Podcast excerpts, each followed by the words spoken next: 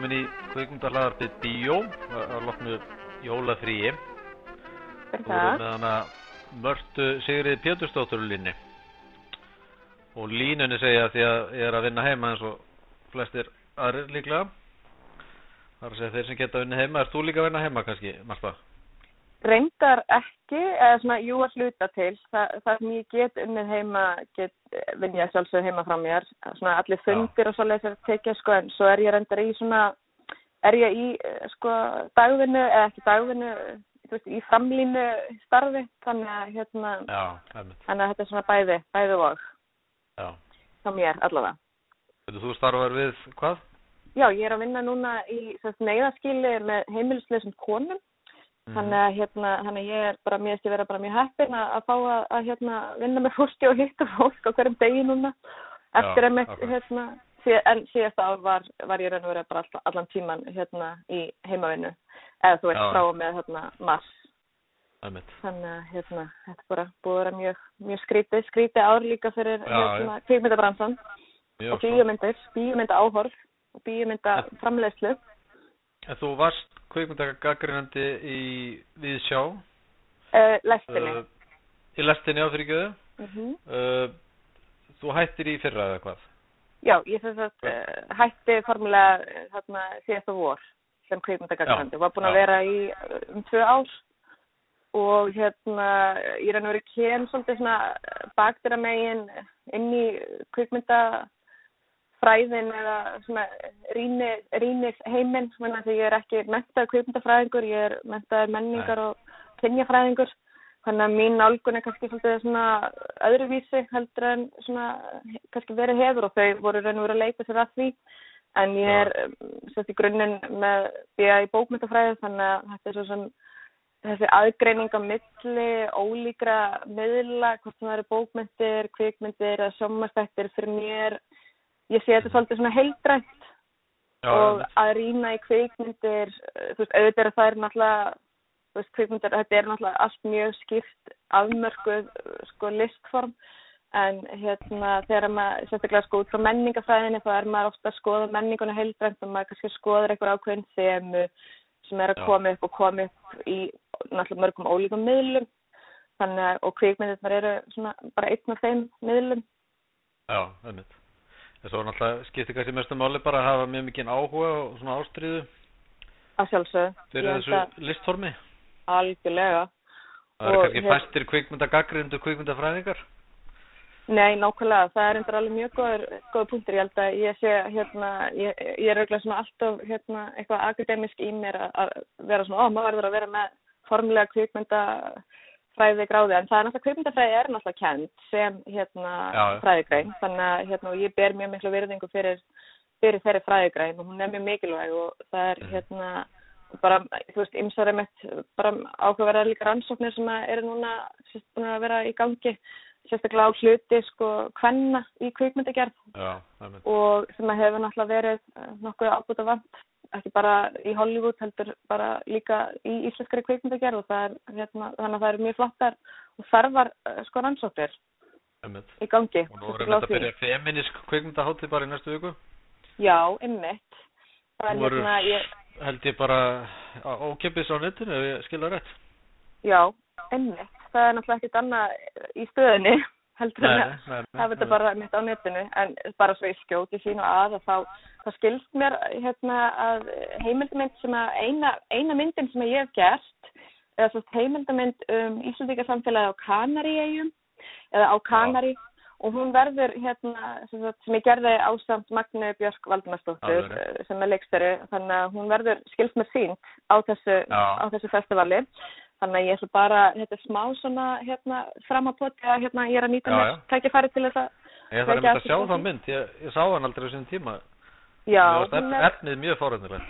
já, þetta er bara sko, manni finnst þetta líka þetta, er, sko, minn tilgangur eða svona minn ásetningur þegar vorum að gera myndina var að einhverju leiti náttúrulega að sko fanga bara ákveðin tíðranda og ákveðin bara afkema af íslenskri menningasögu og svo finnst maður einhvern veginn, svo tekur þetta eiginlega á sig einhvern veginn eitthvað nýtt sko, nýja, tekur þetta á sig nýja merkingu út af COVID og út af því að fyrst, við getum ekki ferðast og, og einhvern veginn, uh, þú veist, hvað eru ferðarlega og hvað eru túrismi og ég hef svolítið mikið á túrisma. Ég var einmitt, ég fekk að vera með, með pislarið um túrisma, eða svona mína pælingur um túrisma í lestinni hérna undir lok uh, síðasta árs, þannig að já, þannig að ég er svona með svona pæli mörgu en, en hérna, en já, það er sem þetta er bara rosalega metnaðafyllt og, og flott hérna festival, hún er með þetta, hún heitir Marja Lea, mann ekki alveg hérna hvers dóttur hún er, en hérna bara frábært og ég er spennt að hérna að sjá hvaða myndir fleiri verða þar í bóði, akkurat. þannig að hérna, já, En ég ætlaði að tala við um, um kvikmyndárið fyrra. Emmitt, og það er svona, það er eiginlega bara svolítið snúið að tala um, um það ára því að, að allir vita, voru bíón lokuð stóran hluta ásins og, með, og þegar þau voru opinn þá var nú úrvæðilega ekkit eh, sérstætt nei, nei, þannig að þetta kvikmyndári er eiginlega meira að minna bara á netinu sko. Og, og í þessum streymisveitum. Mhm, en hvað fannst þér standa upp úr? Bara svona ef þú já, hérna, af því sem þú sást Einmitt, sko, þetta er náttúrulega, uh, þú veist, uh, af því að árið, árið, sko, ég var bara að fara yfir þess, bara þá rýni sem ég var með á 2020 og þá byrjaði árið því ég var, hérna, fjallað um sem sagt, Little Women eftir Gretu Gerwig, sem að, en Já. í raun og verið náttúrulega frá árið 2019, sko, og Mhm. síðan var það, hérna, franska kvikmyndaháttíðin, það var eiginlega svona það síðasta sem að ég náði að fara að sjá svona í bíó. Það var sem Portrait of a Lady on Fire sem ég var mjög hrifin af. Ég var ekki, ég var ekki sérstaklega hrifin af hérna, Little Women aðlöðum. Ég var svona bara í raun og veru frekar hefðbundin og ég fannst, Já. uh, það var lítið þar sem kom mér á óvart af því að ég hef alltaf verið mikill aðdáðandi upprunilegu, ekki upprunilegu heldur bara aðlöðunarinnar frá 1994 með Winona Ryder. Þannig að hérna, mér fannst það frekar boring en aftur á móti fannst mér, já, Portrait of a Lady on Fire það var kannski svona eftirminnilegast að það er svona með eftirminnilegri bíóupplöfunum sem ég átti á síðasta ári. En, Þetta er líka eina myndið sem fekk fimm stjörnur í morgunblæðinu já, einmitt, á því ári. Einmitt, já, það er bara hérna, ég held að sjálf ótt að segja og það er líka sko að segja náttúrulega þitt hvað, hvað þýðingu það hefur að horfa á myndir á uh, kvítatjaldinu í Já. bíósal. Og ég er nú bara svona, myndi ég segja með svona frekar stutta aðtiklisspönn þannig að fyrir mig að horfa á bíómyndir, þú veist, af því ég er líka ég er bara vön að neyta efnis frekar í gegnum sjónvarp eða þú veist, tölvuna eða streymisveitur bara sko sjónvarpstætti Já, þannig að hérna, þannig að þetta er náttúrulega orðið það búið að taka svolítið mikið frá kvikmyndaupplöfuninni þegar við getum ekki lengur farið í, í bíó já, en hérna, en sem sagt, já, þannig að, já, ég myndi segja svona, og ég meina auðvitað náttúrulega er líka bara stærsti við, viðburðurinn á kvikmyndarni 2020 allavega fyrir okkur í Íslandi var náttúrulega seguganga Hilda Guðnadóttur og náttúrulega, en mér finnst einhvern veginn eins og sko, þegar ég var veginn að skoða þetta, mér finnst þess að þetta hafi verið bara eitthvað, eitthvað framlenging bara af 2019, 2020 byrjaði bara þarna einhvern veginn í bara byrjun mars, þá byrjaði þetta raunverulega Mhm. 2020 ár, sko sem einhvern veginn, það er veginn þess að þessi skil sko séu þar þegar við förum inn í, inn í COVID sko í raun og veru og þegar Já, allt lokar og þegar við áttum okkur á því að við getum ekki lengur lifað eins og við erum mun að- lifa sko. Nei, En og Hildur er meira sér ennþá að í þessum verðlunum sko. hún, hún er til, Já. til Grammy Einmitt, það er alveg magna sko og alveg ótrúlega mikið lyftustöng held ég fyrir hérna náttúrulega bara ekki bara ung tón, tónskald á Íslandi heldur bara þú veist fólk í kvimdagerð og einmitt sérstaklega Já, konur sko þetta er ótrúlega Akkurat. flott fyrirmynd og og í raun og veru bara já alveg magna að fylgjast með þessu mm. En hvað, var einhver aðra myndir sem þú mannst eftir svona sem þú uh, já Varst- ég var svona segi af? sko ég var að fara hérna yfir þessa lista alla og hérna sko eftir, eftir að hérna eftir þegar við fórum hérna inn í COVID þá náttúrulega þá byrja ég rosalega mikið að fjalla um bara sjómastætti og serjur fyrir, fyrir Mhm. lestina þannig til ég hætti einmitt? en hérna og svo náttúrulega sko var árið einhvern veginn þess eðlis að það var svo rosalega mikið um að, um að vera bara í náttúrulega fyrst, fyrst er það náttúrulega COVID og síðan eh, Black Lives Matter mótmælin og svo mótmæla Já. alltaf sem að sko reisa upp og af því að ég kannski svolítið mikið líka að að svona af því að skoða svolítið svona þann vinkil sko og verið svolítið svona krít, eða svona ég er krítisk í minni umfyllinu á svona þetta miðlega sjónarhorn, þú veist, kvítra og þú veist, kvítra karlmanna og svona hvaða sögur eru dominerandi og hafa verið dominerandi og það er svona, og, og náttúrulega á Óskarsvælunaháttíðinu hafa náttúrulega líka, þetta var náttúrulega sögulega Óskarsvælunaháttíð í ár af því að Parasite vann sem besta ellenda myndin. Og þú veist, ég get ómögulega muna, ég var, ég, þetta var eitthvað svona voðalega þreyt að ganga hjá mér að alltaf fara á Parasite í bíó. Ég, þegar ég fór fyrst og hún var nefnilega hún var svo rosalega, hún gekk svo lengi í Bíóparadís, ég man ekki eins og hvort ég sko sá hana í bíó eða, nei hvort ég sá hana 2019 og 2020 af því ég gerði nokkru tilhör fyrst alltaf ég að sjá hana, þá var uppselt svo fór ég aftur og þá sprakk hljóðkerfi í salnum. Já, en ég sá hana sjátt á endanum og náttúrulega af því að hún vinnur Óskarinn sem besta kveikmyndin, ekki bara besta erlanda kveikmyndin, heldur bara loksins á einhvern veginn nær Hollywood aðeins að hérna en það er heldur líka þakka þetta sko þessum streymisveitum og, þú veist það er orðin miklu meira svona dreifing á náttúrulega alþjóðlega efni út um allan heim. Ja, og hérna og ég hef einmitt staðið mig að því að þessu ári að að laðast sérstaklega að bara svona mediocre eða svona, æg bara svona slöpp, eitt slöppum en bara svona lala einhverjum sjómastáttaserjum sem eru evrópskar, sem ég finnst að vera aðeins meira substansi heldur en þessum amerísku. Eins og hérna ég dætt inn í til dæmis Call My Agent fransku serinu og hafði rosalega gaman að henni reyndar þannig að hérna já, þannig að það er ekki aðeins Nei, það er mjög skemmtilega þættir á Netflix og ég geta rúglega, já, það er hérna bara mjög mikið hérna alls konar efni og svo var ég meira það að ég var að fara yfir, ég bara var að skoða hjá IndieWire og svona þess að álslista yfir bestu kveimyndirnar og bestu kveimyndirnar á mm. Netflix, mm. uh, Original 2020 myndirnar og besta original 2020 myndirnir á Amazon Prime og Hulu og þú veist mm. þetta er náttúrulega bara og svo HBO og þú veist málega það ég er, ég er eina af þeim sem er ég er ekki tækni sko ég er ekki sérstaklega vel að mér í svona tæknimálum og Nei. ég hef til dæmis aldrei stundan niðurhald bara einhverja því ég bara einhvern veginn ég bara hef sett minni á ég hef kannski oft bara fengið frá frá öðrum sko þannig að ég hef búin að vera sérstaklega mjög háð eiginlega bara svona Netflix um efni. Þannig að þú veist að ég sé þið rosalega svona bara í raun og veru kannski út frá Netflix. Mm -hmm. mm. en hérna þannig að mér sko í raun og veru það sem að hefur staðið ykkur mér á þessu ári eru heimildamindir og það kannski reyndar líka ræðist af því að ég svona, var að vinna kom að hérna, skeipilegningu og framkvæmt skjaldborgar hátíð íslenskara heimildamynda 2020 og var svona fengin inn í það verkefni svona fengt síðasta vor svona að koma að og, og hjálpa til. Og ja. hérna af því að bara svona í gegnum mín svona tengsl svona í þessari, þessari litlu og fallegu græsrótar senu hérna í heimildumöndu gerða á Íslandi.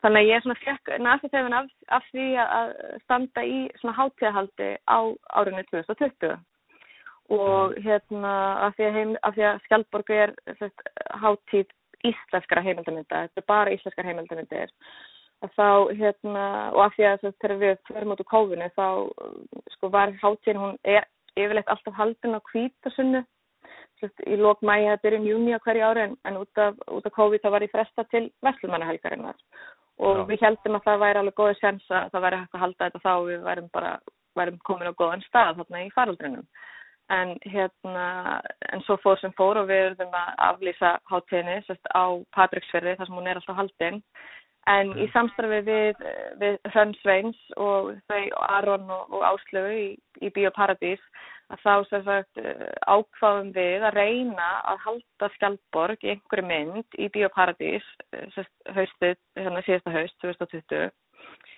sem að í raun og veru síðan okkur tekst að framkvæma samslega því að Bíóparadís opnar aftur eftir framkvæmdinnar og eftir að sko framtíð hérna Bíósens hafi verið treyft til allavega næstu tíu mhm. ára og það er nú annar stór viðbyrður í íslensku kvikmyndalífi myndi ég nú segja Já, að ja. okkur hafi tekist að bjarga hérna eina aftáðsbíón okkar og bara í raun og veru er náttúrulega, ég menna, ég held að við svona bíófólk og ég náttúrulega hef líka þessa tengingu við Bíóparadís ég var náttúrulega vinnar fyrir nokkrum árum og hérna í markas- og kynningarstefum þannig að já, þannig að maður svona einhvern veginn ég sé Bíóparadís sem eitthvað sem miklu stærra heldur en bara bíóhús, þetta er menningarhús og greiðilega mikilvægt að, að þessi starfsemi sko fái að halda áfram bara í, í þessari mynd. Og þetta er náttúrulega ótrúlegt frekvirki og magna starf sem þau eru búin að vinna og svo eins núna eru þau náttúrulega að fara að stað með hérna sko þau eru náttúrulega komin á neti líka þannig að það er náttúrulega bara allir að, að finna út eitthvað leiðir til þess að lifa af en hérna Ég fann tók... mest aldrei fyrir því sko Já. á þessu ári að því að biopartís var lokað svo lengi mm. Einmitt. Ma, maður fann sérstaklega fyrir því eins og þegar komað eurósku kvikmyndaðilunum og þá Einmitt. var maður búin að sjá svo fáar myndir á þeim sem mm -hmm. voru mhm. tilnendar, miklu færri enn senust ár Einmitt. og það er bara út af þessu sko. Algjörlega. Þannig að er... skiptir mjög miklu máli þegar það kemur að kvikmyndir sem er ekki banderskar eða breskar. Já, bara ekki spurning sko, þetta er bara þú veist, ég veit, ég get bara ekki ímynda mér, ég veist, það væri svo ótrúlega, það væri svo fátaklegt, sko, og það er líka, ég menna, Bíóparadís sinni líka rosalega mikilvæg, sko, og hefur gert í gegnum árin, hérna, sett, bara fræðslu, sett, bara miðstöð fræðslu fyrir grunn- og framhaldsskóla nema líka, og það er einmitt líka hlut af þessu er náttúrulega að kenna kvikmyndalæsi. Að Já. það er ósað mikilvægt auðvitað að hérna, alveg eins og við kennum bókmentalæs og við kennum bókmentir að, að, að, veist, að kunna meta uh, bókmentir, ég meina það eins þarf að kenna líka kveikmentalæsi eða og þú veist að börn óháð bara sínum sko fjölskylduhugum eða, eða stjættastöðu að það hafi allir aðgengi að þessum hérna listrænu listrænu kveikmentalæsi, já, heldur en bara pjúra aftrengu sko, en það er náttúrulega hérna, þetta er náttúrulega bara, bara eiliðar verkefni en hérna, en það var líka sko að því að sérst, núna bara því ég sérst, uh, stóð þarna að þessari háttíð uh, Skjaldborg og við náðum bara sko, þetta var mjög dramatíst vegna þess að bara sko nokkrum, þetta bara smittin, smittstuðullin eða þetta sérst, byrja alltaf að fara aftur alveg á blúsandi uppleið þarna akkurat já, rúglega bara svona viku, bara nokkrum dögum áður en að við ætluðum að, að, að opna hátíðina, þetta var, reyn og verið, þetta var bara ein helgi í september, hérna 17. og 19. og Bíóparadís er opnað sama tíma sko, þau voru, þetta var alveg allt svona mjög, þetta var mjög mikið kappleif hérna á síðustu metrunum og svo voru við að fylgjast bara með hérna ástandinu og þarna voru að koma þessi stóra hópsmitt á, á hérna Æris, Ærismann pöpnum og og þú veist, og, það, og svo bara held ég, þú veist, hvort það var bara hérna, þú veist, á föstudeginum eða laugadeginum eitthvað, þá var þessi sprenging í smitum, þannig að ég eitthvað með var svolítið svona í því að, að hérna, og líka því að á, á þessum tímapunkti, þá var ennþá, voru þessar upplýsingar um, sko, grímur, skildu og grímunokkun voru á reiki og hérna, og ég er svolítið svona, ég er svolítið nörd í mér og á það til að svona þá þráhyggja yfir einhverju og researchaði drast og ég bara, bara var búin að fylgjast mjög mikið með hérna, COVID og ég var búin að lesa mér til um sko allar þessar, eða svona var búin að fylgjast mjög mikið um umræðu um grímunokkunum með þannig að ég var svona hérna,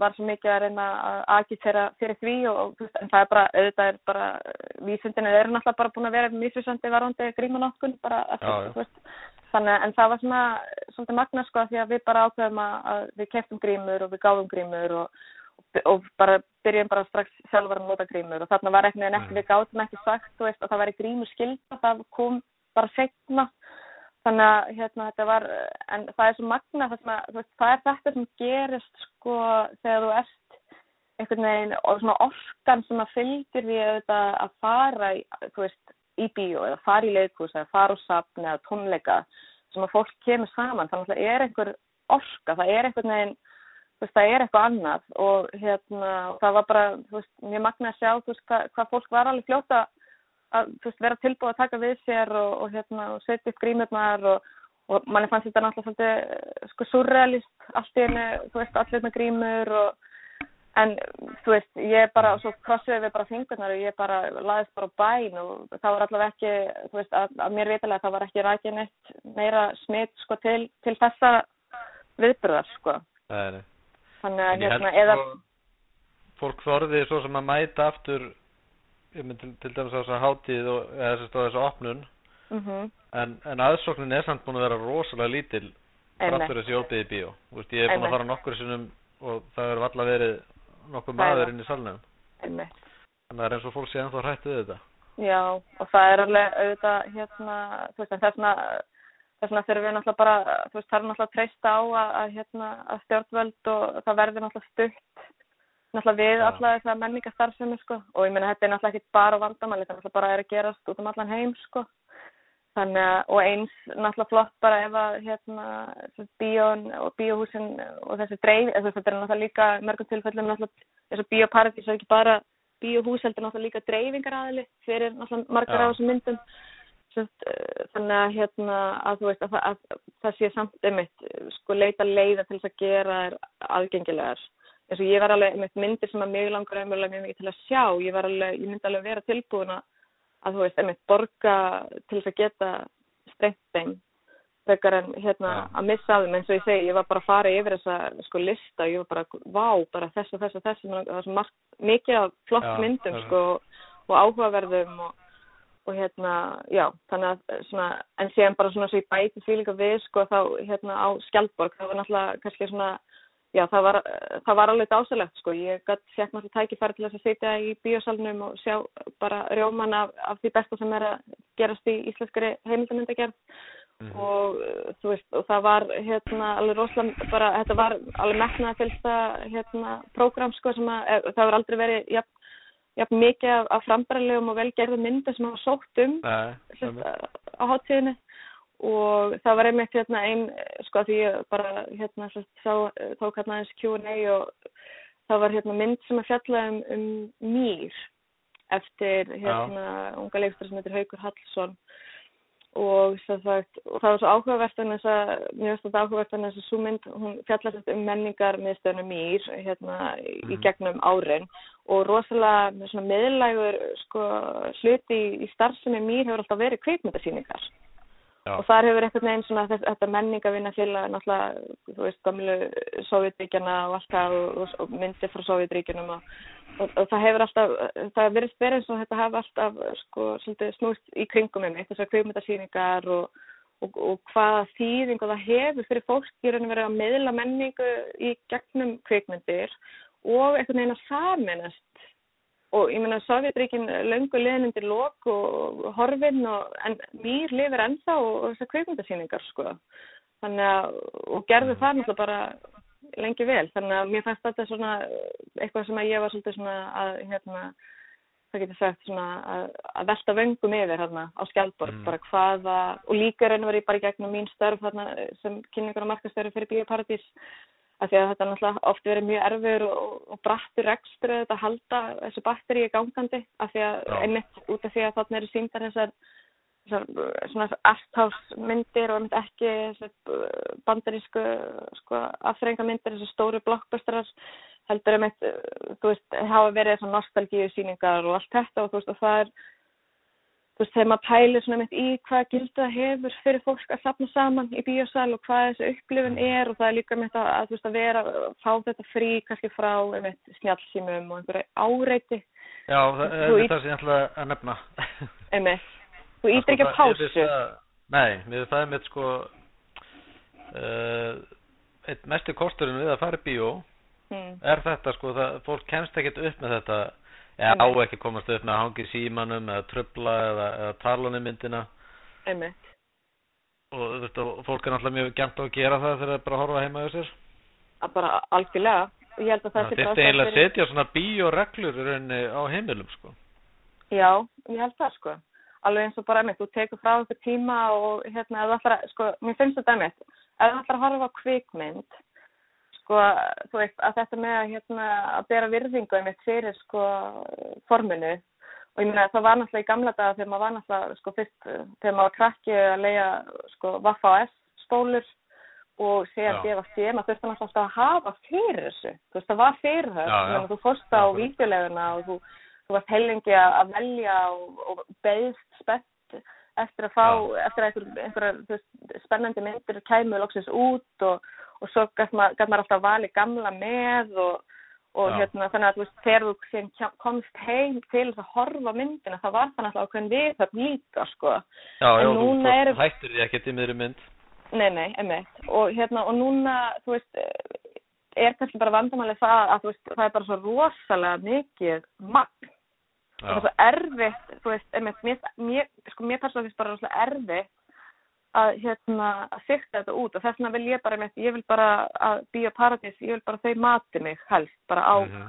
á svo, bara því besta sem er að gerast það í er náttúrulega skiptir rosalega miklu máli að þessi listræn, góð svona listræn stjórnum sko, það Absolutt, góð sko. dagskrágerð. algjörlega og það hún hefur verið það hjá Ásri Baldurs og svo Áslegu og þeim í Já. Bíóparadís alveg og hérna enda sko þessi dagskrafstjórin í Bíóparadís fer náttúrulega á öll helstu festival og, og fær hérna bestu myndirnar til landsins Já. sko þannig að hérna og svo náttúrulega líka sér maður alveg mikið að því náttúrulega rata sér inn á RÚF og hefur áhrif á dagskrafgerðana þar líka já, einmitt. þannig að hérna, en síðan einmitt og svo var líka, þú veist ég meina og svo bíopartís bara svo ég kom því líka aðeins ég meina þau bíobúi gegn alveg greiðlega miklu hlutverki bara í þeirri samfélag pólveri á Íslandi með allum sem sýningum á hérna pólskum kvikmyndum. Sem ég skilst að sé bara full setnar, eða voru það alltaf fyrir Já, COVID. mhm, alveg rosalega vinsælt. Já, og sem er líka sýnir einmitt hvað kvikmyndasalurinn og þú veist hvað bíóhúsið getur verið mikilvægur svona samkomustæður og deila, þú veist, og það hérna, og eins með, þú veist, allar þessar partísýningar og, og, og svona singalong og allt þetta, sko. Já, já, að þetta er bara, þú veist, að því að með í, ég meina lengur fyrir COVID, ég meina það er náttúrulega allir búin að vera með áhyggjur af dauða kvikmyndahúsins en þá er mitt sýnir þetta náttúrulega bara hvað það er, þú veist, af hverju, þú veist, viljum við ennþá horfa svona, þú veist, á myndinu þessum hætti. Og séð náttúrulega líka, þú veist, eins og til dæmis eh, það sem er áhugavert náttúrulega líka bara við horfum á Hollywood og hérna bara þennan stóra einna þetta er sko þessar frestanir eins og til dæmis á James Bond, myndinni auðvitað að veist Mhm. þeir hafa bara hreinlega fresta því að, að svo mynd færi á marka bara út af því að þeir, þú veist það er bara að vita að hérna að þeir myndir náttúrulega verða alveg roslum tekjum sko og Já, það svo mynd einhvern veginn, já ég, veist þannig að þeir eru náttúrulega að býða áttekta því að það, það, mér stannu alveg sína að það er ennþá alveg mikil trú kannski, eða Mhm. var, ég veit ekki, ég veit ekki kannski er það breytt núna því að þetta er náttúrulega er að dragast á lóngin og það við erum ennþá alveg mjög langt í land Já. en það eru líka bara svona blockbuster myndir sem fólk getur eiginlega ekki hugsað sér að sjá fyrst í sjónvarpir. nei, er en og eins og, hérna Nolan myndin Tenet sko, hann auðvitað hann auðvitað hérna streytist á móti þegar, þegar hérna, einhverjur vildu setja hana beint í streymi. Emmitt, og maður skilur það svo sem vel er maður að, búin að sjá hana. En talandi Já. um það sko þessi, þessi stóru þessi keðjubíó í Íslandi því nú, við þurfum að vera sangjátt sko við meðum ekki bara að já. fara bíó paradís nei, nei, uh, sástu margar myndir í, í þeim bíóhúsum á já, ég árinu? fór á tennis emmitt í sumar, Já. bara því að mér langaði að fara í hérna þú veist, af því mér finnst líka gaman að fara á blockbustermyndir og ég hef líka, mér finnst gaman að mörgum svona Hollywood stórmyndum og einmitt Mhm. hérna, ég meina ég, er náttúrulega, ég meina ég var, þú veist, Memento var alveg þvílík hérna sem sagt, eh, svona kallt mynd eða algjört svona mest því og ég meina ég var mér forveit en mér fannst henni að líti út fyrir að vera skemmtileg, ég er mjög svag fyrir svona, svona þessari tegund af kannski svona, Já. með, já en svo fannst mér hún bara, mitt, ég var fyrir vonbröðum sko, mér fannst hún bara vera frekar slöpp og klísikend og fyrir sjálega og mér fannst þetta plott einhvern Já. Ekkert, uh, en það er kannski líka bara, þú veist, þegar maður er einhvern veginn að li- upplifa tíma sem eru ótrúlegri heldur en sko eða nokkuð skáldskapur, þá verður bara alltaf erfitt að ná til mann, sko, held ég, sem áhörfanda. Já. Þegar maður er Já. einhvern veginn, já, ég veit það ekki, og þú veist, eins var náttúrulega ön- önnur mynd, hérna, sem sagt, uh, I'm thinking of ending things, sem var mjög hæpuð hérna á Já, Netflix, já. Charlie Kaufman, og ég meni, ég sá mjög mikið af mínum Facebook uh, vinnum dásamennar og lofa og og ég bara, ég, mér fann, hún náði ekkert til mín sko, mér Nei, hún, bara, hún er svona doldið eins og Tenet, hún er bara skipt fólk í tvær fylkingar sko, annarkvort bara Já. doldið fólk ekki myndina eða fannst það Einmitt. næðislega. einmitt, Ég, Mér fannst- ég sko, ég gaggrindi Tenet og ég, ég held að sko, þessi, þessi, ég maður að segja, þessi sjónræna, hljóðræna upplifun, sko, hafi, einmitt, er henni afvegarleitt mann svolítið í bíónu. já, Og hérna, ég, ég skildi eiginlega ekki neitt í henni, nei, einmitt, en samt var hún svo mikið svona, þú veist, það var svo mikið flottur hasar og svo mikið sjónaspila með þess að, já, þetta var nú samt bara fínt. já, já. Svo Mér sá ég það henni, svo sko, sá henni sjónvarpinu og mér fannst hún miklu verri, sko. Já, einmitt. Ég var náttúrulega bara, ég, mér veist náttúrulega senan hérna þegar Kenneth Branna, hérna, rúsneski vondikallin, Já. eh, sko, það var nú, já, það var nú alveg flott moment, sko, þegar hann, hérna, þú veist, nei, ok, við, er ég að? Ég veit ekki. Nei, ég hérna- ekki flesti búin að sjá hana. Jú, alltaf ekki. Og hérna allavega, þú veist, það, þú veist, það skiptir svo sem ekkert, ég einhverju miklu máli, en það var hérna, já, þú veist, en einmitt, mér fannst þetta, þetta var eitthvað svona, mér, þetta var eitthvað svo, mér fannst þetta bara eitthvað svo komist, sko. Og bara veginn, ég gæti ekki alveg, þú veist, þetta var, já. Og einmitt, þetta var bara svona, þú veist, einhvern veginn bara óþarflega einhvern veginn flókið, eða svona rugglingslegt, en samt Já. einhvern veginn engin vitrætt substans að ráði að mér fannst, sko, Nei. í einhvern veginn þessu plotti og Ég bara tímafæri og velti þessum svona. fyrir mér eftir að hafa hort á þessa mynd hvort að Kenneth Branagh sé bara lélögu leikari. Já, Hrein hreint og sagt sko. Ég veit Já. að það eru örugglega brjálæðir margir eða ég skulle segja þetta. já. En mér finnst ég bara oft, oft hafa séð hann svo lélega. Já, ég er bara, og hann líka Herkul Poirot, mér varst hann alveg skelvilegur. já, mitt, ég er bara, þú veist, ég hef aldrei, hann hefur aldrei, ég hef aldrei haft neina sérstakar skoðun á honum, sko, mér finnst það bara svona eitthvað, þú veist, en mér fannst þetta, einmitt, þetta var bara eiginlega, þú veist, þetta var eins og bara eitthvað svona skop, skopstæling, sko. Maður spyr sig, en þú veist, og svo, svo er ég líka bara, er ég alveg ekki bara hægt að fá okkur flotta rústaska leikara til að leika þessa rústasku, Já, Það er alltaf sama sagan einhvern veginn. já, Ef, ef, ef þú þarft að fá leikara sem getur hérna, leikið með reym að þá er alltaf valinn breyti. Já, þetta er náttúrulega, en ég held sko, það sem að, eins og ég segi, núna, meina, eftir að Parasite vann og núna með þessum, þessum streymis veitum öllum og, og einhvern veginn miklu meira frambóði af, hérna, alþjóðlegu, bara al- alþjóðlegum kvikmyndum, að, kannski er bara, Hollywood að fara að breytast, kannski einmitt í áttina og kannski líka núna, þú veist, þegar það er þessi meiri, þú veist, þegar þessi al, alþjóðavæðing eða snattvæðing er orðin einhvern veginn, þú veist, við erum öll orðin einhvern veginn ennþá tengdari að þá kannski fara líka bara þessi stóru stúdíu að sjá sér sinn hag í því að ráða alþjóðlega sko leikaralið bara Já, til þess að ná inn á fleiri markaði líka sko. Já, já, við náttúrulega þekkjum líka- þetta, með Íslandíka. Einmitt, og ég meina svo sér það líka, ég meina, eh, ég meina, og Hollywood kannski líka bara fer að átti sig á því að það bara kannski komið í samkjöfni bara við, þú veist, ég meina, Hollywood er ekkert lengur það sem það var, ég meina, það er bara, ég meina, sko, staða bandaríkjana bara á sviði stjórnmála heims, þú veist, bara svona, eh, geopolítísk staða bandaríkjana, hún er nú bara orðin miklu veikari.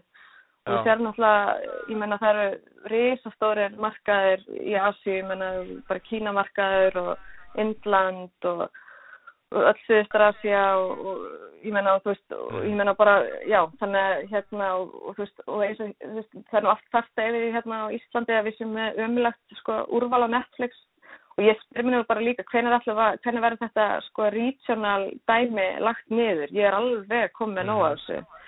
Þú veist, þetta með af hverju, hvernig, veist, hvernig Já, verður Það hljóta að vera einhverju fjárhagsleir hagsmunir Já, klárlega. sem komið Það er fyrir náttúrulega- Já, já, ég meina, þú veist, algjörlega en, en svo náttúrulega bara finnur en þetta er kannski bara mín frústrasjón að því ég er svo teknilega hérna heft að ég hérna Svo er náttúrulega til, það eru til veitur auðvitað með kannski svona fjölþjóðleira úrval. Einmitt, já, ég er, skal viðkynna það fúslega að ég er búin að vera að borga múbi áskrift í marga mánu og ég hef ekki einmitt. hort á eina einustu mynd, sko. Ég bara, þetta er, þetta er algjörlega... Nei, þetta svo er það náttúrulega hitt, sko, bara hefur tíman sko fyrir það að vera alltaf ég veit það, ég veit það, ég veit það. Það er bara, maður þarf að, hérna, en þetta, Nefn það að var sé náttúrulega, 100% vinnan þín, atvinnan þín, sko.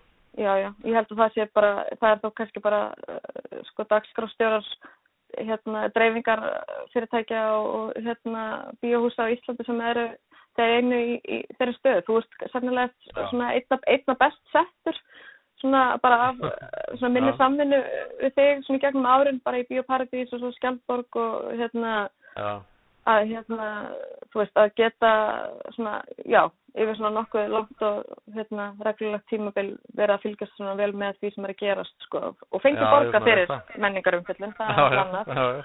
Það er alltaf pluss. það er alltaf pluss og það er ekki, það er ekki sérstaklega mikið svona upp úr því að hafa að vera kvikmyndarýmir í, í hérna hjálfskum, sko, en. En svona, en ég kvarta nú ekki og það er nú, maður fær náttúrulega ókipis í bíó, ég ætla nú ekki, að, hérna, má ekki gleyma því, sko, eða hefur fengið í gegnum tíðina. En þú varst Þannig að- að nefna eh, topplista. Já, Þú veist, það er allir búin að vera að gera þessa topplista. Emitt. og svo er maður kíkið til þess inn á Metacritic og það eru þeir búin að taka saman hvað er þetta orðin eru 256 topp 10 listar sem, sem eru búin að telja saman. Emitt. en svo þegar maður kíkir hvaða listar þetta eru þá er Mm. þetta auðvitað náttúrulega næstu því allt saman bandarist og brest Emitt.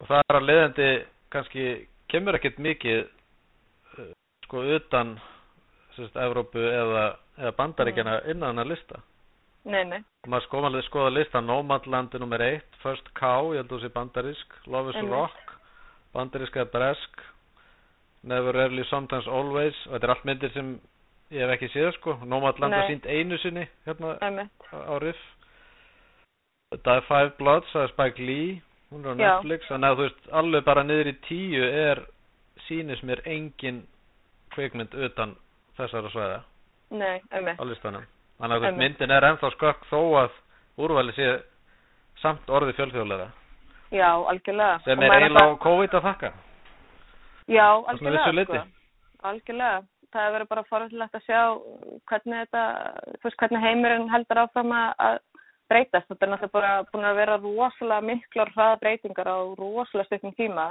Og það er líka náttúrulega Hollywood er búið að eða svo, það er náttúrulega búið að vera mjög líka mikla hræringar bara eftir Me Too og eftir eh, Black Lives Matter, hérna, þú veist, eftir að svo mótmæla alltaf kom upp. Og sérstaklega með þetta með, þú veist, sko bandaríkinn og hvernig, hérna, hvernig svartir hafa verið sko þeirra þáttur í kvikmyndagerð eða ekki þáttur eða hvernig veist sögurnar hafa verið sagðar. Eins og til dæmis bara ég menna hvernig var það? 2019 sem að Green Book vinnur sem er bara svona algjörlega úrelt. Einhvern veginn rosalega gamaldags sín einmitt á samskipti svartra og hvítra, hvítra sem að einhvern veginn er einhvers konar bara endurómur af einhverjum svona veist, romantískum hvítum bjargvættis eh, hérna, já, hvít, já, bjargvættis blæti eða órum, sko, þannig að hérna, þannig að það er svona, já, það er búið að, þetta er búið að vera náttúrulega, sko, já, þetta var stórt ár og ég meina það er bara, svo spyrir maður sér náttúrulega líka, ég meina þessar myndir sem við erum að tala um þær eru allar flestar, sko, gerir ráð fyrir gerðar náttúrulega áður en að COVID skellur á, þannig að það verður bara forðilegt að sjá kannski bara hvað gerist, veist, hvaða myndir sko, koma út á þessu ári og, og síðan bara hvernig verður, hvernig mun bara, sko, hvernig mun, mun listin díla við eh, þetta svona stóra kollektífa tráma sem að já, við erum búin að vera gangi gegnum, sko, hérna, og, einmitt, og og líka þetta bara, kvikmyndir sem sko er, er ekki gerðar nefnar fái ósalega mikla aðsókn í bíóhúsum.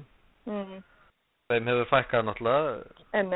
Gerði það í fyrra og, hérna, þær sem þegar voru tilbúnar þeim var náttúrulega fresta fram á þetta ár. Einmitt, þannig að maður hefði haldið að, að ódýrari myndirnar ætti mér í séns. Mm, var, var vel að fórundilegt að sjá hvað gerist með, með það. Já, já. en ég langar að tala fyrir ekki, já, fyrir ekki alltaf Nei, nei, það var bara þetta með þetta með aðgengið, sko. Það er náttúrulega bara, uh, þú veist, að því að einmitt þetta er svona líka einhverju leiti, mann finnst þess að maður hafa aldrei haft jafn mikið úrval, eins og þú veist, maður, þú veist, ég held að við, uh, sko, eins og bara með Netflix, að Mhm. hérna, þú veist, en það er líka bara því að svo erum við náttúrulega öll, uh, sko, undir helmum af einhverjum algoritmum sem að bara, þú veist, Já. eru bara halda einhverju ákveðnu að okkur og það, er- til dæmis, veist, ég var að skoða líka, ég meina, ég er búin að vera að missa af alveg fullt af einhverjum, einhverjum góðum myndum á Netflix bara því að ég hef ekki, mm. þú veist, þar hafa bara ekki eins og komið hjá mér eða Nei. þar hafa staldra svo stutt við og því að ég er kannski bara búin að vera mest að horfa á eitthvað svona, eitthvað frekar, hérna, eh, hvað getur maður sagt, svona eitthvað mjúkt, miðlungs, lélegt sjómasefni, að þá eru algoritmæðir Já. bara, þá er, þá er því stýrt bara þannig að ég sé ekkert að það áhugaverðast að skilur þau. nei, nei Þannig að maður þarf eiginlega að fara einhvern veginn sko að finna leiðina fram í honum og, og til dæmis bara leita á netinu. Þú veist bara nógu lengi hver, hver eru bestu myndirnar frá veist, þessu landi eða, eða þessari heimsólu á Netflix Einmitt. núna? Einmitt. veist, og von- vona eitthvað að koma upp. Og ég hef stundum hefði dottið inn á eitthvað þegar ég hef verið að leita einhver allt öðru sko. Já, Og en fyrstu, svo- fyrstu þrý fyrir stafinir í, í titli myndarinnar þá hef ég komist inn á eitthvað miklu áhugaverða Einmitt. Já, það er svolítið svona, maður þarf kannski bara með að þjálfa sig í, sko, svona maður þarf að vera góður hérna, góður grúskari svona í, á þessum hérna, en, en, en eins og ég segi, síðan er það líka bara þú veist, svo lendur maður alveg í því að maður sér alveg fullt af einhverju dóti, maður langar bara, vá, maður geti alveg horft á svo margt og svo einhvern veginn enda maður bara á einhverju þú veist, af því að þegar maður er heimi og svo er ofta að horfa og sérstaklega þetta búið að náttúrulega, þú veist, erfiðu tími og, og mikið, þú veist, þá langar mann allavega eins og með mig, sko, þá er ég er búin að sækja annars vegar í bara einmitt svona eitthvað frekar lélagt sjómasefni eða eitthvað frekar, eða þú veist, í sjómasætti eða Já. heimildamindir og það var einmitt hérna, einmitt á Netflix sko, þú veist, þá náttúrulega reyndar fyrst mér sko að því mér finnst oft þessar ori original sko Netflix myndir margar vera frekar slappar en Já. hérna, en þeir, það koma alveg sko flottar heimildamindir og hérna já, einmitt. og þannig til dæmis fyrst mér bara einn eftirminnilegsta mynd sem ég sá á síðasta ári var American Murder, The Family Next Door og. Athlete A um hérna, svo svo þennan lækni hérna hjá bandaríska uh, olimpíulegin í fimmleikum Já, og hérna og skandalinn hérna um kynferðis eh, sko hérna misnátkunina þannig að það og eins eh, var hérna mjög líka skemmtileg hérna kryptkepp þannig að já, mér finnst Mhm. sko Netflix vera, gott og steft þegar kemur að heimildamindarum sko sástu Dick Johnson is dead? herði, nei, ég nefnilega ekki búin að sjá hana Já, þetta er að kíkja hana, hún er mjög skemmtileg. Já, emitt. Og svo er það líka hérna, ég á líka eftir að horfa á The 40 Year Old Version og ég á Já. líka eftir að horfa á Trial of Chicago 7. Þannig að, Já, hérna, hún er, hún er góð. Emitt, þannig að þú veist, ég á bara fullt eftir. En það er eins og, veist, þá er það tíminn og svo þegar ég sest niður, þegar ég er búin að vinna, hérna, hvað, eh, þú veist, hvað þarf ég að gera? Ég er dattin í að Gilmore Girls, þú veist, á þessu ári. Ég hef aldrei hægt Já. Gilmore Girls og þetta er svona eitthvað Ok. fyrir mig af því að þú veist, mér fannst þetta rosalega hallarslegi þetta þegar ég var gelgja sko þarna í kringum 2006 og ég bara hafði engan að horfa aldrei á þessum þætti að dætti inn í það núna og, og þe- þessi þættir eru orðin svona einhvers konar þú veist svona atkvarf fyrir mig svona hverfa svona nostalgíu tími frá mínum ólífsárum og allt er eitthvað voðalega fullkomi í mjög hvítum þú veist það er ekki þú veist það er náttúrulega mjög margt mjög problematíst en, en þetta er svona allavega það sem ég er búin að vera að sækja í. Og svo er þessi Call My Agent þættir sem komið mér alveg svona skemmtilega óvart. Og bara, og margt fleira. Já, Bonus Family, það var líka mitt, ég er alveg datt inn í þá og, Já, þetta er sænsku eða ekki? sænsku og Love and Anarchy voru náttúrulega líka frábærir hérna, þannig að mjög mikið að skemmtilegum svona skandinavíu sköpni sko. Líka, þannig að hérna en já, en það er náttúrulega, það er kannski eitthvað annað podcast bara sjómast þetta þetta er 2020 sko. En Ég En sjálfur verið að horfa á Cobra Kai með fjölskyldunni. Já, og það er nú bara því að ég var tíu ára þegar Karate Kid var í bíó. Einmitt Þetta er Þetta svona- hrikalega liðið þettir. já, einmitt, en það er eitthvað sérstaklega þessi nýjasta sko. já, já, já, já Það er svona, þetta, þetta er gott sko. vond, eins og maður segir. einmitt Já, já.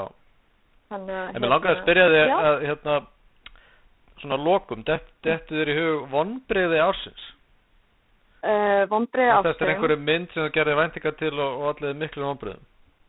Já, það var náttúrulega bæði, það var að hérna Little Women, meina, hún kom Já. þetta út eh, sko 2019 og Little Women, sko hérna 1994 aðlöðunin er svona mynd sem að ég sá þegar ég var 12 ára. Og það var myndin sem ég tók um alltaf með gamla á Vaffa S hérna spólu. Og hérna og einhvern veginn á sér mjög svona sérstakann þess í mínu hjarta. Ég, þetta mynd sem ég horfi vel alltaf á fyrir jólin á hverju ári og þannig ég var mjög spennt sko, mér fannst rosalega flott sko að sjá, þú veist, ég var mjög spennt að sjá þessa nýju aðlöðun hann að Gretu og mér fannst bara einhvern veginn hún bara ekki, þú veist, hún var bara einhvern veginn ekkert að gera neitt, neina radikal sko hluti. Og mér fannst einhvern veginn eins og hún hefði sóað einhverju svona, að ég þú veist að því að það er alveg búið að vera, þú veist, margt áhugavert að gerast í svona, þú veist, eh, svona periódudrama og eins, þú veist, ég menn það er svo mikið af þessum svona myndum sem er bara er, er, er, svona endalisar aðlaganir af klassískum 19. aldar eh, bókmyndaverkum eftir konur, ég menn eins og Emma og Mm. Pride and Prejudice og, og, og þú veist Wuthering Heights og, og Jane, það er endalist alltaf verið aðlaga, og það er Já. gott, veist, það er alveg frábært af því að og veru aðlögunin endur, á að endurspegla kannski líka einhverju leiti samtíman, þú veist, af því að þetta er náttúrulega þessi síkildu verk, sko og það er einmitt oft, ég meina, þú veist, hlutir sem hefur verið að gera, ég meina eins og núna er náttúrulega ný, ég á aftur að horfa á Bridgerton sem er þessi nýja, hérna, vinsala seri á Netflix einmitt sem er svona periodu, svona búningadrama en er Já. samt sko með svona eh, bara diverse eh, sko leika leikaralið og er, já, þannig að þú veist, það er svona alltaf að vera, þetta á að vera svona gossip girl, hérna, periódudrama Mhm, hef ég, mhm. herði, herði þetta vinkunum minn lýsaði þannig, sko. Já, þannig að það voru svona eiginlega vombrið Já, ástins og vombrið ástins náttúrulega hjá mér voru náttúrulega líka þegar við þurftum að aflýsa Skjaldborg, hérna, og ég meina ástins já. var líka, uh, þú veist, einmitt ég man eftir ég átti, þetta var alltaf stokkfyrsháttíðin þegar ég landi í, hérna, fyrsta, sko, fyrsta lokununum. Og ég, Já. hérna, átti um þetta, var orðin rosalega spennt, ég að fjallum stokkfyrst sem er fyrir lestina. Og svo var ég bara í ykkur kvíðakastu, ég meika ekki, ég gæti ekki farið sko á hátíðan, ég bara, ég, þú veist, þau held hann samt sko, en ég var hérna alveg ykkur rosalegum COVID kvíða hérna og hérna, en sáum mitt, fekk samt sko, já, það var hérna ykkur ein mynd sem ég gæti séð streymt, en það, en annars, eh, þú veist, eins og ég segi, ég menna, mér fannst þarna Tenet, ég var fyrir vonbröð með hana, af því ég ætla, mér langaði til að fara í bíó og gleyma mér og, og Einmitt. jú, þú veist, kannski þetta var alveg svo sem, þú veist, ágætis alltaf gaman að sjá, þú veist, þetta er svona bara gott eh, handverk, skilur þannig, Mhm. En hérna, en svo bara einhvern veginn samt var þetta, þetta var bara svo eitthvað ófrumlegt, ég veit ekki hvað það var. Já, bara slæmt handritið mitt og, og Og hérna, þú veist, margir eru fyrir vonbrið með Eurovision myndina. herðu, það er, Uh, ég elska, bara ég Já, mér fannst hún mjög skemmtileg. Ég er Sko, bara, ég ekki við- skildi ekki neikvæðina. einmitt, nei, veistu, ég bara, takk fyrir að minna stána því að, sko, hún kom mér svo mikið óvart og ég er endar, sko, ég skal alveg veikina það, ég er til dæmis, ég elska Mamma Mia, ég er rosa mikið mamma, bara Mamma Mia 1, það er, ég bara, ég elska Já. þá mynd. Og ég elska allt í kringu þá mynd. Og ég elska bara svona oft, og ég líka, ég er mikill aðdáðandi svona lélæra góðra mynda. Og hérna, og svo mynd kom mér, já, ég, mér finnst hún vera algjör svona, algjör klassiker og alveg eiga Já, allt í það. Og, og þú veist, það er líka eitt, sko, hérna, mér var svo gaman, ég bara forröðin að vita, sko, hvort að, hérna, þeir sem kom að gera myndina leiksturinn og svona, hvort þeir hafi ekki verið með, hérna, búninga og sett hennir, sko, hafi ekki verið með til hliðsunar, hérna, stelu í orlofi og með allt á hreinu, bara svona sem inspo. Mér fannst ég sá svo mikið af rektum, í einhvern veginn. Kannski vil Ferrell vera hérna, að horfa á þær og gaukaði með einhverjum hönnuðum hana. Nei, þú veist, af því að maður sér sko, eins og ég segi, að það er oft, ma maður veit náttúrulega kannski oft hvernig svona búninga og sett hann er vinna, sko, það er svona verið að skapa. En mér fannst þetta nefnilega, mér fannst ég sá svo mikið af, sko, það var svo mikið af svona djúsi, hérna, einhvern veginn, sko, fannst mér einhvern veginn svona vera eitthvað subtext, sko, í, bara mitt, í, sko, og búningum og svo fannst mér, hann hérna, ég man ekki hvað hann heitir, sem var í Downton Abbey, sem að leikur einmitt rússan, þú veist, þeir hefði bara frekar, Nolan hefði það frekar bara átt að fá hann, heldur en kennast branna hana, Já. sko, hann var nú bara einhver bara, já, þannig að mér fannst það, hérna, mér fannst nú eiginlega vil Ferrell vera slappastur í myndinu, sko, en Já, hérna, já. og, og minnst, sko, fyndnastur, Já. en hérna, en algjörlega, Það voru Íslendingar aðna sem átti hans í góða spretti. já, heldur betur. Hannes Óli. Hannes Óli, jú, hann algjörlega, ég meina það er nú, þetta hlýtur nú eiginlega vera, hérna, reyði, jæja, ding dong, hérna, Mm. þú veist, já, guð, ég bara, takk fyrir að minn, ég bara, þetta, þetta var eiginlega, já, þetta, ég myndi segja að En- þetta sé eitt af topp momentum kvikmyndarsins, Já. fyrir það var En náttúrulega, talandi um eitthvað svona óvænt, þá kom síðasta veiðiferðinni líka svolítið óvart. já, ég hef ekki séð hana, Ég er ger ekkert mikla vætningar og mér Nei. það mjög fyndin Já, og bara virkilega vel hefnið sko. já. En ert þú Bill and Ted aðdáðandi? Herðu, ég, hérna, ekkert, nei, það er ekki myndir sem að, sko, ég bara uh, horfði, nei, ég horfði ekki á þær, sko, þegar ég var krakki. Ég, Ég sá var, þessa nýju nefnilega og ég, Já, það, ég fann fekk þessa tilfinningu að þetta er algjörlega úrelt grín sko. já, emmitt. Og, og óþægilegt að horfa á menna sem aldrei leika ólingar sko.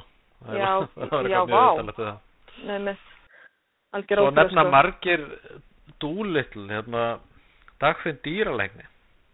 Já, Svona, ef, ef maður kíkir yfir svona vonbriði ársins. Já, Hérna ok. með honum Robert Downey Jr. já, Hann er vist með eitthvað versta velska hreim sem hefur nokkuð tíman heyrst í kvikmynd. Já, ég trúi því. Ég, hérna, hva, hvar var hún sínd? Var hún sínd í bíó? Hún var í bíó, já. Hérna, Þetta hefur algjörlega farið fram hjá mér, sko. Ég er náttúrulega á ekki börn, sko, þannig að þú náttúrulega kannski eftir. Nei, hérna. Þannig að, já, emmitt. En- þarf að láta sig hafa einmislegt. En kannski bara fer hérna, já, vonandi bara er þetta svona, sko, núna fyrir Hollywood líka, af því að náttúrulega það er búið að vera, hérna, þetta slæma gengi og svona, ég meina það er kannski bara en það þýðir kannski líka að það verður kannski meiri metnaður í að, þú veist, já, herðu, bara, við verðum að gera betra myndir, sko, við verðum að leggja meira Akkurat. í handritin og, og við verðum að höfða til breyðari hóps, þú veist, og við komumst ekki lengur upp með að vera bara dóminerandi hérna, sem sagt, rödd eða, þú veist, hafa þetta ægi valdi yfir, sko, bara þeim sögum sem eru sagðar, hvernig þær eru sagðar, sko, þú veist, að það er bara komið svo miklu, miklu meiri krafa um, einmitt, bara meiri, meiri fjölbreytileika og, og svona fleiri, fleiri rattir, sko. Og hvað er ekki að máli með allar það endalessu endurgerðir? Já, veist, allt í lægi með, þú veist, og líka ef það á að gera endurgerðir, þú veist, hvað, við hverju þá, þú veist, hverju er hægt að bæta við, hvað er, hérna, Mm. sem sagt, í sáli, þá var einmitt líka, hérna, einhver, verið að gera einhver endurgerð af The Craft, sem var svona önnur svona uppáhaldsmynd sem að einmitt datt inn á Netflix bara núna á þessu ári. Og þú veist, ég hef ekki séð það endurgerð en ég hef bara af hverju verið að gera endurgerð? Og þú veist, og hún, einmitt, sérstaklega þegar þær eru bara miklu verri en en svona hvaða er þetta bara. það sér? Ég kannast ekki við... Nei, The Craft, æ, þetta, er, svona nortna mynd, þetta var rosa, þetta er svona Já, já, já, með Færúsu Balk og hérna Robin Tunney og, og hérna, ég maður ekki hvað hann heitir, hann var svona, svona úlinga hartþrópp, æ, þetta var, mynd, þú veist, ég var 14 ára þegar þessi mynd kom í bíó, Hún er sko, frá 96. frá 96, já, Já. og hérna, já, og sagt, en hún hefur svona öðlast svolítið svona kvöld status á síðustu árum því að, sagt, já, en hérna það var sem skerða einhver endurgerð á henni og ég, veist, ég er Mm. líka orðin svolítið þannig að, veist, eins og á Netflix, sko, ég les dóma, ég fer og les dóma um myndir og ef það myndir fá bara ekki, sem að kannski þeir líka, þú veist, já, eftir allt saman, þá er kannski kveikmyndagagrinu bara frekar mikilvæg og hérna, og Mm. líka getur einmitt verið hérna leiðandi í því að, hérna beina fólki til eða frá sko því sem er eh, best eða verst, sko Akkurat. að maður þarf svona, þú veist, í þessu mikla magni af hérna efni sem við höfum Svo úr má að ekki móta. gleyma því samt að þetta er álit einna mannesku. Já, bara við slum aldrei gleyma því, það er bara ekki spurning, þess vegna er svo mikilvægt að það séu margir gaggrinendur og, og hérna og gaggrinendur líka sem að. Veist, og líka, þú veist, eins og ég sem, veist, í, sko í minni rýmli og ég hef alltaf, nálgast svolítið mína, allavega mínu þú veist, þannig að ég, ég fer alveg að skoða, það sem aðrir eru að skrifa. Ég er ekkert, ég er ekkert að leita að einhverju rosalega, endilega alltaf einhverju mínu, original, hérna, sjónamiðin. Það, mér er líka oft gaman, já, veist, þessi segir þetta, mér finnst þetta, að, en algjörlega, það er bara það sem að gaggrinendin er. Þess vegna líka er náttúrulega, þú veist, oft skemmtilegt, ég meina það er svo mikið af alls konar hotnum á internetinu minni eins og Reddit og svona sem eru endalust verið að ræða fram og tilbaka og Facebook-grúpur, ég meina eins og það er rosalega mikið aktivitet í alls konar kveikmynda Facebook-grúpum minna á Íslandi. Þannig Já, að, einmitt. hérna, þannig að það eru marga leiðir til þess að svo sem fá, Já, hérna, það er bara einmitt um að gera einmitt hérna, taka þátt í svona grúpum þú veist, líka upp á Já. svona ráðleikingar og mhm. og algjörlega, það er náttúrulega helst grúpu þar sem, þar sem þú treystir smekk þeirra sem er í grúpunni. Já, já, já, og svo er mitt koma oft, mitt, hérna, en það er náttúrulega líka, þú veist, kannski einmitt á, sko, 2020 líka, þú veist, það búið að vera náttúrulega svolítið mikið af svona, þú veist, vera að cancelera, þú veist, alls konar myndum, eins og til Já. dæmis bara, þú veist, þessar svona myndir sem að, til dæmis, eh, ég meina svo, það var náttúrulega líka, kom upp þarna, var það ekki Wuthering Heights, nei ekki Wuthering Heights, fyrir ekki, hérna, Gone with the, Gone with the Wind, Já, sem að hérna var tekin út af HBO tók það út af eða ég man ekki hvað eða hvort það var Bros. ég man ekki hvað þetta var Mhm. einhver stór hérna aðileg sem að tók myndina bara úr sýningum sko hérna þegar Black Lives Matter hérna í já, hámæli út af náttúrulega bara þessari úræstu og romantísku sín Já, já. á, á þrælahald sko og þannig svo er náttúrulega líka búið að vera að setja svona fyrirvara oft, já, setja fyrir þú það veist, frem, algjörlega fremst í myndirnar sko. Einmitt, einmitt. En það er náttúrulega bara, kvikmyndirnar eru náttúrulega endur spekla náttúrulega bara Sinn tíma. Já, tíma og eru náttúrulega ákveðnar svona einmitt heimildir en það er bara, það er eitthvað sem við þurfum náttúrulega bara að horfa stíðu við, sko. En einmitt, en já, þannig að þetta bara, það er forðanlegt að sjá bara hvernig, hvað hva við fáum að sjá á þessu ári, Já. 2021. Ertu, ertu svona alveg að lokum, er einhver mynd sem þú nýbúin að sjá sem þú meðli með? Nei, ég bara, hérna, sko, nú, veist, ég alveg tala, ég, finnst, ég er bara búin að vera að horfa á þessu Gilmore Girls, þetta er hrikalegt. Já, þú getur- mælt með því, allir fara að horfa á Gilmore Girls. Nei, nei, ekki, ekki, ekki, vera eða tímanum, ekki eða tímanum í það, nei, nei, það er bara, jú, jú, það er alveg, þú veist, hérna, þú veist, það var bara svona markvist, ég hugsa, ég er, ég ligg nú yfirleitt bara svo fann að spila Candy Crush meðan ég er að horfa eða innan gæðslega að horfa, það er einmitt, hérna, en það var einmitt, hérna, ég var einmitt að lesa um, hérna, Emily in Paris þættina, sem ég einmitt Mhm. horfa á og hafði óvart bara frekar gaman af, að þeir væri til mark sem svona nýtt genre eða svona nýja grein sem að væri svona ambient eða svona þú veist, eitthvað til þess að hafa í gangi og meðan þú ert að skrolla í símaninum sem að þú veist, þú getur horta á og, og fylgst með en samt vera að skrolla í símanum Samt að gera eitthvað annað. Já, einmitt. Þannig að þú er svona eitthvað ný tegund af hérna sjónvarsefni. Já. Þannig að hérna, þú veist, en ekki það er þetta, þetta samt svona hljómar samt ekki beint eins og meðmæli, sko. Nei, reyndar ekki Gilmore Girls frábælega vel skrifaði þættir. Það eru alveg frábærir, frábærir díalógar en það er margt svona problematíst, það er rosalega, þetta er rosalega uh, kvítt og það er rosalega problematíst hvernig til dæmis besta vinkona hérna, Rory, dótturinnar er frá Kóri og sérst, frá Suður Kóri og hvernig hennar fjölskylda, mamma hennar þú veist það eru tveir sérst, karakterar svona, aðal, aðalpersonur í þáttunum sem eru sérst, ekki hvítar og það er, er bæði sérst, mamma Rory, nei mamma Lane, bestu vinkonu Rory og svo hérna gæinn sem að vinnur á hótelinu, Michelle sem að er svartur og hérna og þau eru bara rosalega tvívíðir stereotypiskir karakterar, svo er þetta bara einhvern veginn alveg rosalega hvítt forréttinda pakk sko sem er algjörlega ómeðvitað um hérna, eða svona en það er nú samt, eins og ég segi, það er bara það sem er, þetta er samt mjög vel skrifað þættir og það er nú klárlega eitthvað, fyrst að ég er nenn að horfa á þetta og það er eitthvað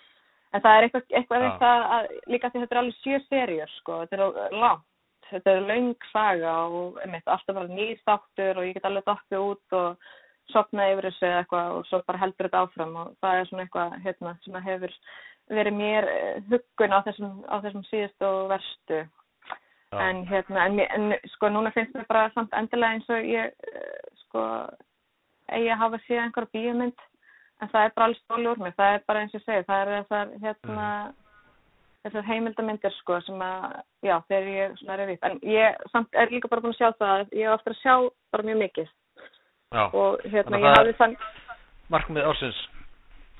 Sjá sem mest.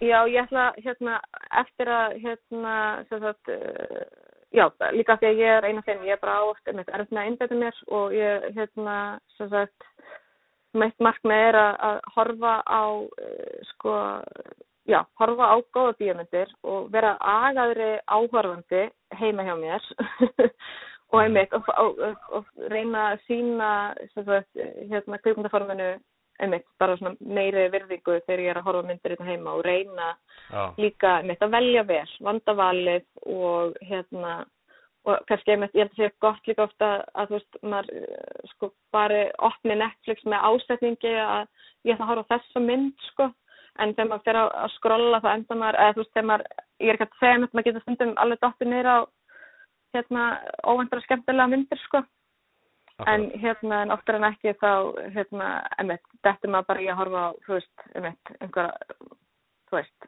einmitt, eitthvað svona sem er bara svona bakgrunns, hérna Mm. afþreyingu, sko á meðan maður er að skrolla Og á maður símanum. gert eins og maður gerði hérna í gamla daga þegar vídeolögurna voru til og, og dæmt myndirnar af umslæginu eða þess að einmitt, á kápunni. Þá gæti maður ekki farið í síman sinn og, og, og googlaði alla mögulega gaggrinni Nei, það er alveg rétt. Það, hérna, þá var maður bara náttúrulega hvaða, þú veist, hvaða saga höfða til þín? Og hvað vilt þú horfa á. Þannig að, hérna, þannig að þá er mitt, en það er kannski líka alveg mitt skemmtilegt að, þú veist, það er kannski bara áskurinn, ég ætla að reyna að velja með mynd án þess að googla hana. Já, og bara, hérna, en mér finnst samt bara, ég er bara, þess að oft hafa byrjað að horfa á einhverjar svona, þú veist, myndir sem að lítur svona vel út oft finnst mér vera svona eins og þess að á Netflix sko, hérna veist, það byrja vel að það hljómar og slá áhugaverðar og, og svo einhvern veginn bara bara missi bara áhugun, ég bara hætti að nenn að horfa á þau sko. mm. En hérna, en já, ég bara er spennt að hérna, að tjekka mitt allavega samt á þessu myndum núna sem að ég áherslu að sjá Netflix. Og hérna, svo er ein, ein heimildamind sem ég er, sko, einmitt sem er að poppa upp á mörgum af þessum, sko, bestu, eða svona hjá einstakar gaggrinendum ég, hérna, sá, hérna, var að skoða nefnilega, ég fylgist alltaf vel með, hérna, þú veist, því sem er þess bara í Guardian í Breitlandi og hérna, og hérna er þess að allir, sko, kvipundagaggrinendur sem að vinna fyrir Guardian Observer búin að taka saman, sko, the best films of 2020 that you haven't seen Já. og hérna og þar er hérna mynd sem að heitir uh, hvað heitir hún, hún heitir hérna uh, Through the Night sem er heimildamynd sem er fjallar um hérna þrjár konur sem að sem eru uh, sko vinna við svona, já, hérna sem eru svona essential hérna uh, sko, er í svona, já er svona lífsnöðslega störfum og eru að vinna við, erfi, svona við barna umönnun eða úr spítölum og eru svona í hérna verkamanna stjætt í, í New York Já. og fjallar um sem sagt, bara, og þetta er svona, þú veist, þetta er myndin sem að bara við skoðum allar þessar myndir og veist, og þá er það held ég mitt sko, þá, mér langar annarkvæmst bara til þess að sjá eitthvað svona rosalegt sci-fi eða þá hardcore social realisma, ég er eiginlega bara annarkvæmst eða. Mm og svo, svo, mér, svo er ég nú að kíkja henni inn á RÚF já, sem allir eru náttúrulega áskrifta Eh, einmitt. Það er til dæmis að horfa á Parasite. Einmitt, og þriðja Pólin, hún var nú hérna það var góð heimildamind fannst mér. Já. Ég var mitt eftir að horfa á hana. Þannig að hérna, einmitt, það þetta er er bara ekkert ég- endilega að leita lengra sko. Nei, ég veit það. Þetta er alveg, þetta er agalagt, sko. Ég veit ekki alveg, ég þarf að, hérna, mann gæti náttúrulega alveg bara verið í, í, hérna, í fullu starfi við að, hérna, hafa bara bí, á Já. bíómyndir, sko. það er draumurinn Já, já, ég var nefnilega eftir að sjá þriða kólum. Það var náttúrulega, mér það samt líka að segja þitt, sko, það var náttúrulega opnunarmynd, hérna, riff Mhm. og, og það er heimildamind og svo náttúrulega hérna var eins og ég segi bara því ég var kom þarna að skjaldborgarháttíðin og bara veit að þetta var bara, það var aldrei verið svona sko, mikil, mikið að góðu myndum sem að sótt um að, að vera með á háttíðinni og hérna þá náttúrulega vinningsmyndin var Hálfur Álfur sem að fjallar um eftir Jón Bjarka og, og. Hlín Ólafsdóttur og hérna, já, þannig að þú veist, mér það líka svona, það segir okkur líka alveg eitthvað að, hérna, að, að heimildamyndin er í, í miklum, hérna, bara, það er eitthvað mikil, bara mikil gróska í íslenskar heimildamyndagerð Mhm. og bara, og svona æmitt og þetta er, hérna, þetta form er að lifa mjög góðu lífi líka á, hérna, þessum streymisveitum, sko, þannig að. En það getur aldrei neitt komið í staðin fyrir hérna, bíóhúsið. Ég held að við getum verið sammála Nei. um það. Er, ég, ætla, ég ætla að slúta þess á uh, einhverju, einhverju, einhverju hljóði úr Parasite, er það ekki bara Jú, Bóin sér frá árinu 2019, bara aðeins að svindla Jú, algjörlega. Ég menn, hún alltaf Óskarni í ár og hún er, var, ég menn, þetta var, var vinsalasta myndin, sko, bara í bara, eh, þetta var þvílík, hérna, Þetta sem að já, algjörlega. sem hafa Það er aldur til, þar að segja Hvað segir þau? sem hafa aldur til Sem hafa Það til, er nákvæmlega, það er nákvæmlega. nokkur atriðinni kannski ekki að hafa barna Nei, mikið rétt. En algjörlega, það er svona, ég meina, þú veist, að máli, þetta er líka svo ruggíslegt líka því hérna í Íslandi, sko, við erum bara alltaf að sjá, þú veist, ég meina, svo mikið alltaf myndir sem að, eða, það er náttúrulega líka þessi skurinn, þú veist, þetta er oft erfitt einhvern veginn að alltaf setja þetta upp alveg svona, og líka einmitt núna, mér finnst þess að 2020 hafi byrjað í mars og því lauk núna í desember, eða kannski er 2020 svona áfram fanga til að við komum út á kófunu skilur, Já, þannig að, hérna, Akkurat. þetta er allt mjög ástætt. Herðan, ok, frábært, ég er bara vona Takk kærlega fyrir spjallið. Já, það var mér lítið.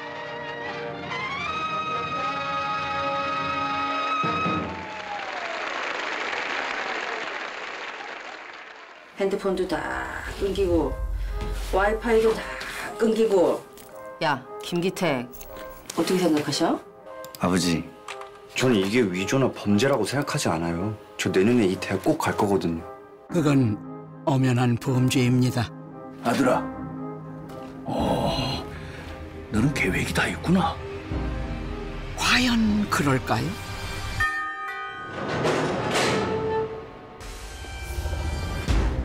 저는 백수 가족의 장남 기우가 고액 과외 면접을 갑니다.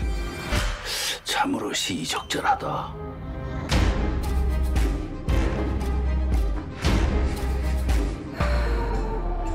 2019년 봉준호 감독의 새로운 가족